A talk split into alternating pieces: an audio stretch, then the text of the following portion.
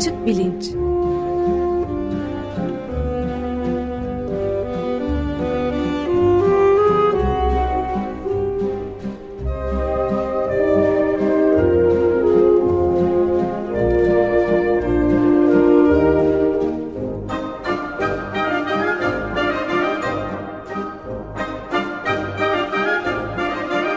Güven Güzeldere ile bilim ve felsefe sohbetleri. Günaydın Güven Bey, merhabalar. Günaydın Ömer Bey. Günaydın. Günaydın Özdeş. Bugün Açık Bilinç'te yeni bir e, diziye tabir caizse başlıyoruz herhalde. Uyku ve Rüyalar dizisi. Onunla ilgili neler söyleyebiliriz? Açık Bilinc'in e, yaz serisi. Şimdi dün e, 21 Haziran en uzun gündüz en kısa geceydi. Yaz boyunca e, biliyorsunuz 2-3 e, aydır aslında hazırlanıyoruz bu seri için. E, pek çok bölümlü birbirine bağlı konu ve sorulardan oluşan e, benim özellikle çok ilginç bulduğum e, aslında sorulardan oluşan bir seri. Şimdi bir kere şuradan başlayalım. Hayatımızın yaklaşık üçte biri uykuda geçiyor. Yani işte günde yaklaşık 8 saat uyuyorsak ya da 8 saat belki uyumuyoruz ama yani yatağa girdik çıktık bilmem ne filan en aşağı bir 8 saatimiz öyle bir halde geçiyor. Ee, az bir zaman değil yani 21 yaşında bir insanken işte hayatımızın 7 senesini aslında yatakta geçirmiş, uyuyor geçirmiş oluyoruz. 45 yaşında bir insansak 15 senesini, 75 e, yaşındaysak 25 senesini. Az bir zaman değil. Yani diyelim 75 yaşındayız. Hiç uyumamış olsak 25 sene daha fazla yaşamış olacaktık uyanıklık anlamında aslında. Peki bir de şu var tabii dünyanın e, her kısmı aynı zamanda uyuyor, aynı zamanda uyanık değil. Çünkü işte e, bazı yerlerde geceyken öbür yerlerde gündüz oluyor saat farkından dolayı filan. Ama genel olarak herhangi bir yere aldığımız zaman dünyanın uyanıklık zamanlarıyla uykuda geçirdiği zamanları çok farklı. Yani işte ısı açısından farklı, ışık açısından farklı. Burada e, hem doğal anlamda hem yapay anlamda aslında birbirinden çok farklı evrelerden geçiyoruz ve her gün bu evrelerden geçiyoruz. E, şimdi bütün bunları göz önüne aldığımızda mesela şöyle sorular bana e, özellikle çok ilginç geliyor. Birincisi, niçin uyuyoruz? E, uyku gerekli bir şey mi? E, uyumazsak ne olur? Mesela uyumamaya çalışsak ya da ne kadar zaman hiç uyumadan durabiliriz?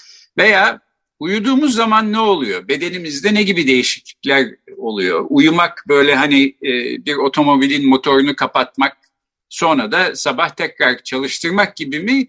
Yoksa uykunun içinde süre gelen bir takım mekanizmalar var mı? Ee, bir tek biz mi uyuyoruz? Hayır işte başka canlıların da uyuduğunu biliyoruz ama bütün canlılar uyuyor mu mesela? Hay bütün hayvanlar uyuyor mu? Peki bitkiler uyur mu? Kaç saat uyumalıyız? Belli bir saat uyumamız gerekiyor mu? Ya da işte kendimizi zorlayıp mesela 3-4 saat uykuyla idare etmeye kalksak olur mu?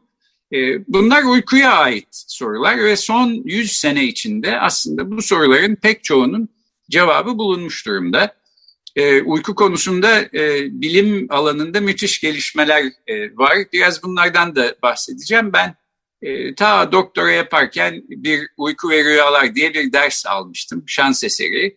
E, uyku konusunu e, dünyada tıp içinde çalışılabilir meşru bir alan haline e, getirmekte en çok katkısı olan kişi. E, William Dement diye bir profesördür. Stanford Üniversitesi'nde bir profesördü. E, işte yani yaklaşık emeklilik zamanlarıydı.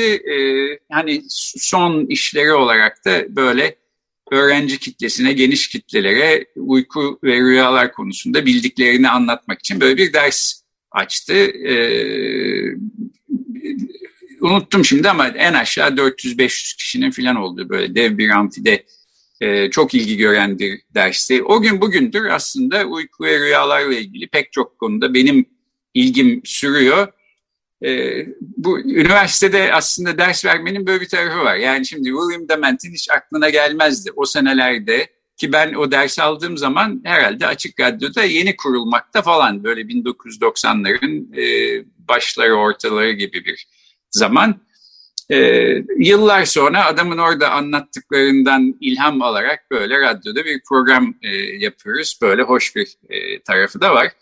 Şimdi uyku konusundan bir de rüya konusuna geçmek mümkün. Çünkü e, uyku fizyolojisini anladıkça şunu görüyoruz. Uykuda aslında e, farklı evreler var ve bu evrelerin oluşturduğu yaklaşık 90 dakikalık bir döngü var. E, bu döngüyü bitirip yeniden döngünün başına dönüyoruz ve işte 90 dakikadan hesaplayın yani yaklaşık 8 saat uyuyorsak işte 5 kere falan bu döngüden geçiyoruz. Bu döngü aslında e, çok düzenli bir iç mekanizmaya sahip ve onun belli bir noktasında e, rüya görme ihtimalimiz artıyor. E, hızlı göz hareketleri e, yaptığımız bir e, dönem. Şimdi burada da çok acayip bir şey var. Yani e, uykunun en derin yerinde birden gözlerimiz sağa sola hareket etmeye başlıyor. Bunu aslında yanınızda uyuyan birisi varsa aralık olan göz kapaklarından görebilirsiniz gözlerinin e, oynadığını. Çok e, acayip bir şey, beklenmedik bir şey aslında. Ve genellikle o dönemde, o evrede bir de rüya içeriği ortaya çıkıyor. Rüya içeriğinden de kastım yani gerçek olduğunu sandığımız bir takım deneyimler yaşıyoruz. Ee, çok canlı deneyimler.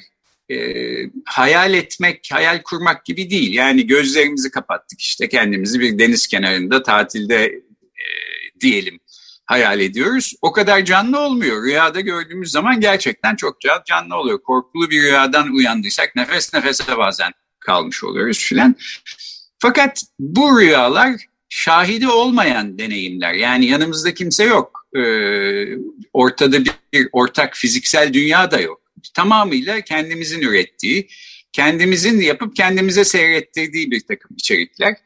Ee, peki niye rüya görüyoruz? Yani tamam hadi uykuyla ilgili soruları diyelim cevapladık. İşte belki e, fizyolojik olarak dinlenmemizi sağlıyor bir takım başka yararları var falan. Rüya görmesek olmaz mıydı? Bu rüya işi nereden çıktı? Ee, ya da herkes rüya görür mü? Bazı insanlar diyorlar ki yok ben hiç rüya görmem ya da 40 yılda bir. Bazıları ise ben her gün görürüm diyorlar. Aslında bunun doğru olmadığını da anlamış durumdayız. Herkes yaklaşık olarak eşit sürece rüya görüyor ama hepimiz hatırlamıyoruz rüyalarımızı. E, hatta genellikle işte en son sabah karşı gördüğümüz e, ve belki rüyadan uyandığımızda hatırladığımız rüyaları hatırlıyoruz ama 90 dakikalık döngüler e, içinde işte 15-20 dakika e, belki 5 defa, belki 6 defa, belki 4 defa pek çok rüya görmüş oluyoruz. Ee, buna insan inanmakta güçlük çekebilir. Ya ben hiç hatırlamıyorum hayatta rüya falan görmüyorum diye ısrar e, edebilirsiniz. Ben de pek rüyalarını hatırlayan bir kişi değilim mesela ama bir uyku laboratuvarında birkaç gece geçirirseniz aslında fikriniz değişiyor. Yani çünkü uyku laboratuvarında bir takım elektrotlar size bağlıyorlar. Hem beyindeki elektriksel aktivitenizi hem de işte göz hareketlerinizi, kas durumunuzu falan e, monitör ediyorlar ve bu sayede hızlı göz hareketleri yaptığınız evreye ne zaman girdiniz, ne zaman çıktınız bunu dışarıdan görebiliyorlar. Bu hızlı göz hareketleri sırasında rüya görme ihtimaliniz çok yüksek olduğu için tam onun ortasında sizi uyandırırlarsa ve sizin de göreviniz uyandığınız anda işte sohbet etmek yerine çünkü e, sohbet etmeye kalkarsanız gördüğünüz rüyayı unutuyorsunuz. Rüya içeriği çok hızlı bir şekilde unutulan bir şey. Hemen uyanır uyanmaz işte yanınızdaki kağıt kalemle aklınızda ne kaldıysa görmekte olduğunuz rüyayı not ettiniz ya da bir kayıt cihazına e, söylediniz, konuştunuz. O zaman görüyorsunuz ki evet yani sizi gece boyunca beş defa kaldırıyorlar ve beşinde de birbirinden farklı rüyalar görmekteymişsiniz meğerse. İşte gece yarısı 12'de e, uyudunuz, ee, saat bir çeyrek geçe işte 75 dakika sonra uyandırdıkları zaman kendinizi bir rüya görürken aslında buluyorsunuz. Onu not ediyorsunuz.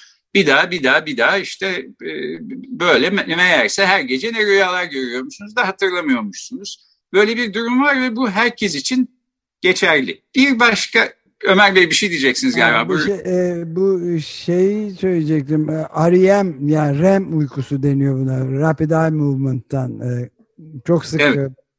kullanılan terimlerden bir tanesi değil mi bu? Peki bu laboratuvarlar aynı zamanda hayvanlarda da yapılabiliyor mu deneyler? Yani hayvanların anlatmasına, not tutmasına e, pek imkan yok ama gene de rüya görüp görmediklerini ve hangi sıklıkta görüyorlarsa gördüklerini anlamak mümkün olabilir belki değil mi? Bence de öyle. Bu konudan e, gelecek hafta biraz bahsetmek istiyorum. E, yani kedilerin, köpeklerin uyurken işte bu e, hızlı göz hareketleri yaptıkları evreye geçtiklerini biz bile dışarıdan bakarak görebiliyoruz. Çünkü göz kapaklarından e, belli oluyor. Laboratuvarda da elektrodla da bunu ölçmek mümkün. Peki ama o sırada mesela kediler köpekler nasıl bir rüya görüyor diyeceksiniz. Tabii kediyi köpeği uyandırıp sormak ve anlattırmak imkanımız yok doğru. Ama ben orada da bir rüya içeriği olmasının en makul hipotez olduğu kanısındayım. Peki bir kedi rüyası neye benziyor diyorsanız bence işte kedinin uyanıklık hali neye benziyorsa iyi kötü ona benziyor olsa gerektir. Yani kedi işte uyanıkken e, kuşların peşinde koşuyor oradan buraya atlayıp zıplıyorsa rüyasında da büyük ihtimalle benzer şeyleri yapıyor olsa gerektir diye düşünüyorum. E, ahtapotlar ve mürekkep balıklarında rüya çok üstünde çalışılan son zamanlarda bir konu haline geldi. O nasıl olabilir diye ondan da gelecek hafta bahsedeceğim. E, onu gelecek haftaya bırakıp şimdi genel bir takım e, sorulara geri döneyim. Mesela bir tanesi de şu. Rüyaların bir anlamı var mı? Bu konuda epey bir tartışma var. E, Freud'dan başlayan psikanaliz geleneği çok önemli olduğunu e, rüyaların, önemli anlamlara sahip olduğunu, bizim kendi benliğimiz hakkında e, e, önemli ve güvenilir bir bilgi kaynağı olduğunu söylüyorlar. E, ama buna karşı çıkan işte yeni nörobiyoloji teorileri de var. Bunlardan önümüzdeki haftalarda konuşacağız. Şimdi Türkiye'de mesela böyle e, cami avlularında filan kitaplar satılır. Rüya tabirleri diye biliyorsunuz. İşte alır bakarsınız orada rüyanızda şunu gördüyseniz şu olacak. İşte elinize para geçecek, sıkıntılı bir durum var. E, kuş gördünüz şu anlama geliyor, kedi köpek gördünüz bu anlama geliyor filan. E, rüyaların bu şekilde böyle bir sembolik sözlükle bütün rüyaların anlaşılması zor gözüküyor. Freud zaten diyor ki yani genel bir psikanalitik e, çerçeve içinde bir kişi hakkında bir analiz yapılmadan böyle tek bir e, sembolden şu anlama geliyor, bu bu anlama geliyor denemez, denmemeli. Bu anlamda rüya tabirleri aslında pek güvenilir bir kaynak değil. Bir de benim gençliğimde bu zihin beden meselelerine ilgi duydum ama işte ortada hemen hiçbir kaynağın olmadığı zamanlarda Ruh ve Madde Yayınları diye bir yayın evi vardı. Ömer Bey siz de hatırlarsınız böyle incecik kitaplar basarlardı düz kapaklı filan. Benim orada ilk okuduğum kitap Astral Bedende Yolculuk diye bir kitaptı. Orada da iddia şuydu biz uyuduğumuz zaman işte fiziksel bedenimizi terk ediyoruz. Böyle astral beden diye bir e, fiziksel olmayan bedenle uzak diyarlara seyahat ediyoruz. Orada neler olup bittiğini anlıyoruz, görüyoruz. Sonra uyanınca kendi fiziksel bedenimize dönüyoruz. Evet. Şimdi bu konularda yapılmış aslında pek çok çalışma var. Benim de ilgimi çekmiş bir mesele olduğundan epey bir literatür taraması yaptım. Şunu söyleyebilirim. Olduğumuz yerden dış dünyaya ait, örneğin henüz olmamış, gelecekte ol, olacak herhangi bir olayın bilgisinin bize rüyada geldiğine dair hiçbir kanıt yok. Kanıtı geçtim hiç o anlamda bunu destekleyen bir veri de yok. Yani e, rüya gördük, rüyada gelecekte ne olacağını anladık, dolayısıyla ona göre e, davranıyoruz filan. E, bunlar maalesef e, tamamıyla zeminsiz, yersiz iddialar. Şimdi bugünlerde gerçi son birkaç haftadır ara verdi ama bir mafya lideri biliyorsunuz videolar yayınlamaktaydı işte son birkaç haftadır herkes bu videolardan e, bu videoların içinde başka şeylere herhalde dikkat ediyor. Ben de neye dikkat ettiğimi şimdi size söyleyeyim. Diyor ki e, bu Sedat Peker isimli mafya lideri e, ben e, sizin elinizde ölmeyeceğim korkmuyorum çünkü aslında nasıl öleceğimi rüyamda gördüm biliyorum. Yani gelecekte olacak bir olayı bildiğini düşünüyor rüyasında gördüğü için. E, Kendisine kötü bir haberim var. E, rüyalarla böyle şeyleri bilemiyoruz e, maalesef. E, ama rüyalar anlamlı bir bilgi kaynağı mı sorusunu sorarken e, başka bir şekilde de bunu sormak mümkün. E, Freud diyor ki yani rüyalar bize gelecekten bir haber vermiyor ya da gayipten bir bilgi kaynağı olarak önümüze gelmiyor ama kendimiz hakkında, benliğimiz hakkında farkında olmadığımız hatta belki işte bir takım represyon mekanizmalarıyla bastırdığımız e, içimizde var olan bir takım çelişkiler, e, istekler, inançlar hakkında e, belki bilgi verebilir. Bu anlamda bilinç dışımızın yani zihnimizin farkında olmadığımız e, kısımlarına giden e, bir kraliyet yoludur derken e, bunu kastediyordu Freud. E, son olarak bir de şunu söyleyeyim. Rüya görürken e, genellikle rüya gördüğümüzün farkında olmuyoruz. Her ne görüyorsak rüyada bunu gerçek sanıyoruz. İşte o yüzden e, korkuyorsak korkuyoruz, mutlu oluyorsak mutlu oluyoruz. Belki artık hayatta olmayan birisini görüyoruz ve sanki hayattaymış gibi konuşuyoruz falan. Uyandığımızda fark ediyoruz ki bu aslında bir rüyaymış. E, bunun nedenleri var. Yani rüya sırasında rüya gördüğümüzün farkına varamamamızın e, ya da aslında uyanıklık halinde başımıza gelse acayip bulacağımız şeyleri o kadar acayip bulmamamızın nöro e, bilişsel, nörobilimsel nedenleri var. Bunları da ileriki bir programda e, ele alacağız. Fakat bazı durumlarda bazı insanlar rüya görürken rüya gördüklerinin farkına varıyorlar. Aa galiba ben rüya görüyorum diyorlar. Hatta bazıları bu rüya durumunu sürdürüp rüyanın içeriğini yönlendirmeyi de becerebiliyor. Buna lucid rüya deniliyor. Bunun hem nörobilimsel e, altyapısını e, konuşacağız ilerideki programlarda hem de ben bu konuda e, işte doktora yıllarında epey bir çalışmıştım uyku laboratuvarında filan da biraz e, onu da ele almaya çalışacağım. Genel olarak yani böyle uzun bir e, seride bu yaz ayları boyunca önümüzdeki iki, iki ay boyunca uyku ve rüyalar üzerine işte pek çok ilginç soruyu cevaplamaya çalışacağız. Evet yani e, Freud'un e, rüya tabirleri ya da düş yorumları kitabını yazmasından bu yana 100 küsur yıl, 120 yıl mı geçti? Evet, evet. E, ve pek çok bu konu hala büyük bir araştırmacıların ilgi konusu olmaya devam ediyor insanların yani. Nörobilimcilerin başta olmak üzere çok fazla şey bilinmiyor. Bu açıdan e, Freud'un, Sigmund Freud'un öncü bir rol oynamış olduğunu kabul etmemiz gerekiyor herhalde değil mi? Bence öyle evet yani herkes böyle düşünmese de e, pek çok şey e, öğrenilmiş durumda sahiden yani edinilen bilgi Freud'un zamanındaki bilgiye göre aslında inanılmaz artmış durumda ama hala cevaplanamamış bir takım e, temel sorular var. Şimdi bu konuyla ilgili ben e, anlatacağım başka şeyleri gelecek haftaki giriş programına bırakıp e, farklı bir şeyden e, söz ederek programı bitirmek istiyorum. Ara sıra bana şu soru geliyor, buna da bu program ve bu seri e, bağlamında de, e, değineyim dedim. E, diyor ki bazı insanlar, ya sen bu programı böyle işte e, İngilizce yapsan, bir podcast olarak, e, yani dünyada Türkçe bilen, yalnızca Türkçe bilen e, insan sayısı az. İngilizce bilen insan sayısı çok daha fazla. Çok daha fazla izlenir, işte daha fazla takipçin olur filan. E, şimdi bu bana hiç cazip gelmiyor. E, niye gelmediğinde aslında bu seriye bağlayarak e, anlatmak istiyorum birkaç dakika içinde.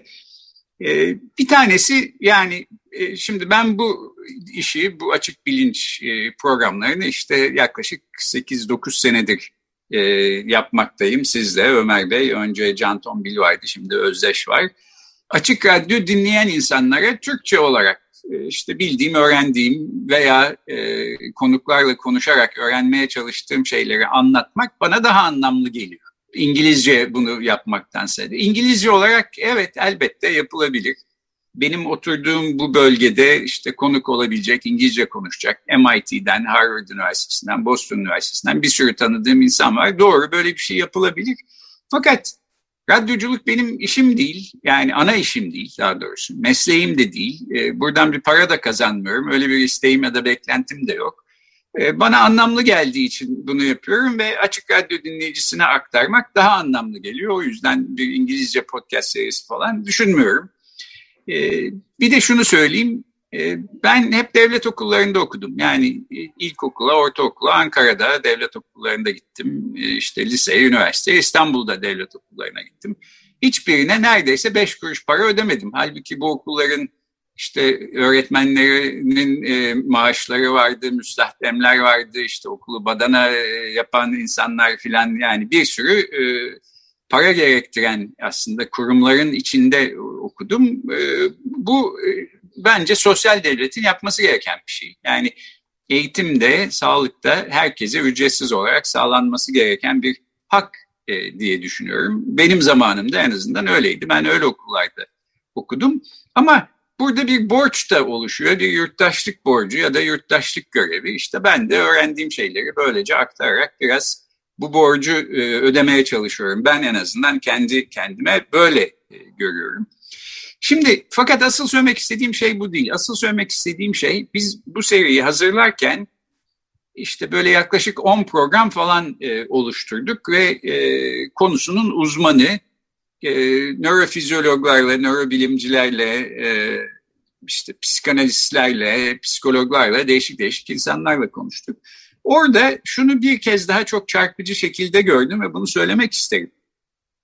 Ben böyle bir seriyi İngilizce olarak mesela burada yapsam ve işte Harvard ve MIT'nin hocalarıyla e, konuşsam içerik kalitesi açısından çok farklı bir şey ortaya çıkmazdı.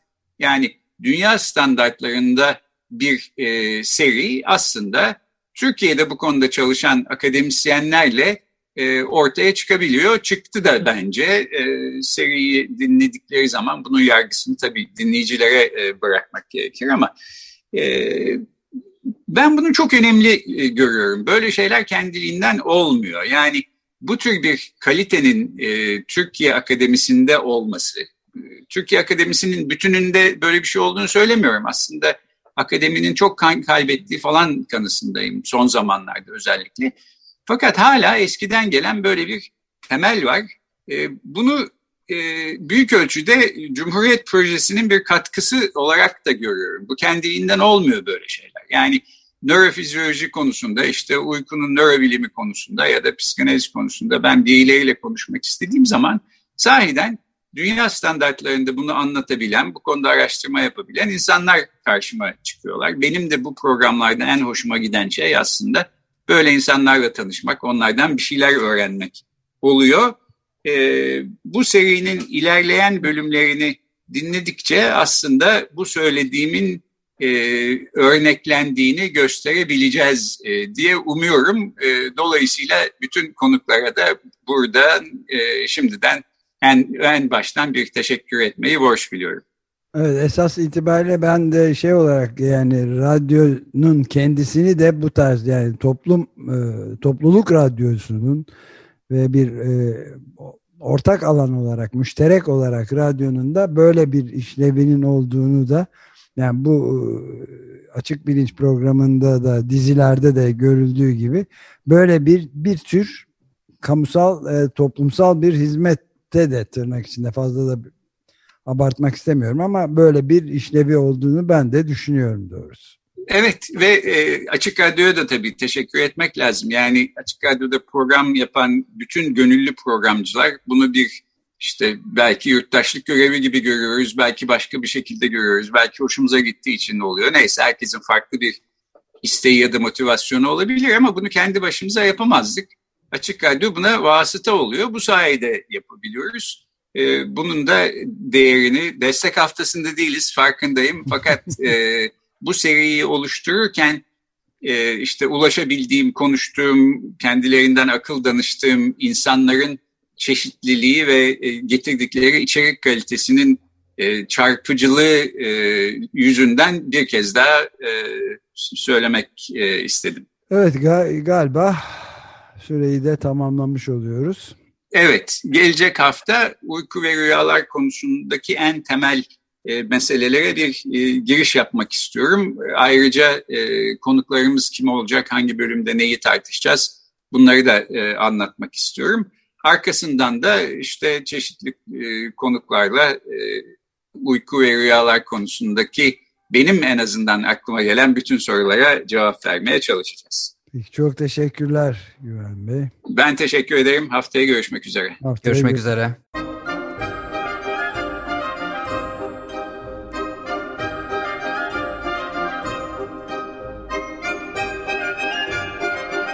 Açık Bilinç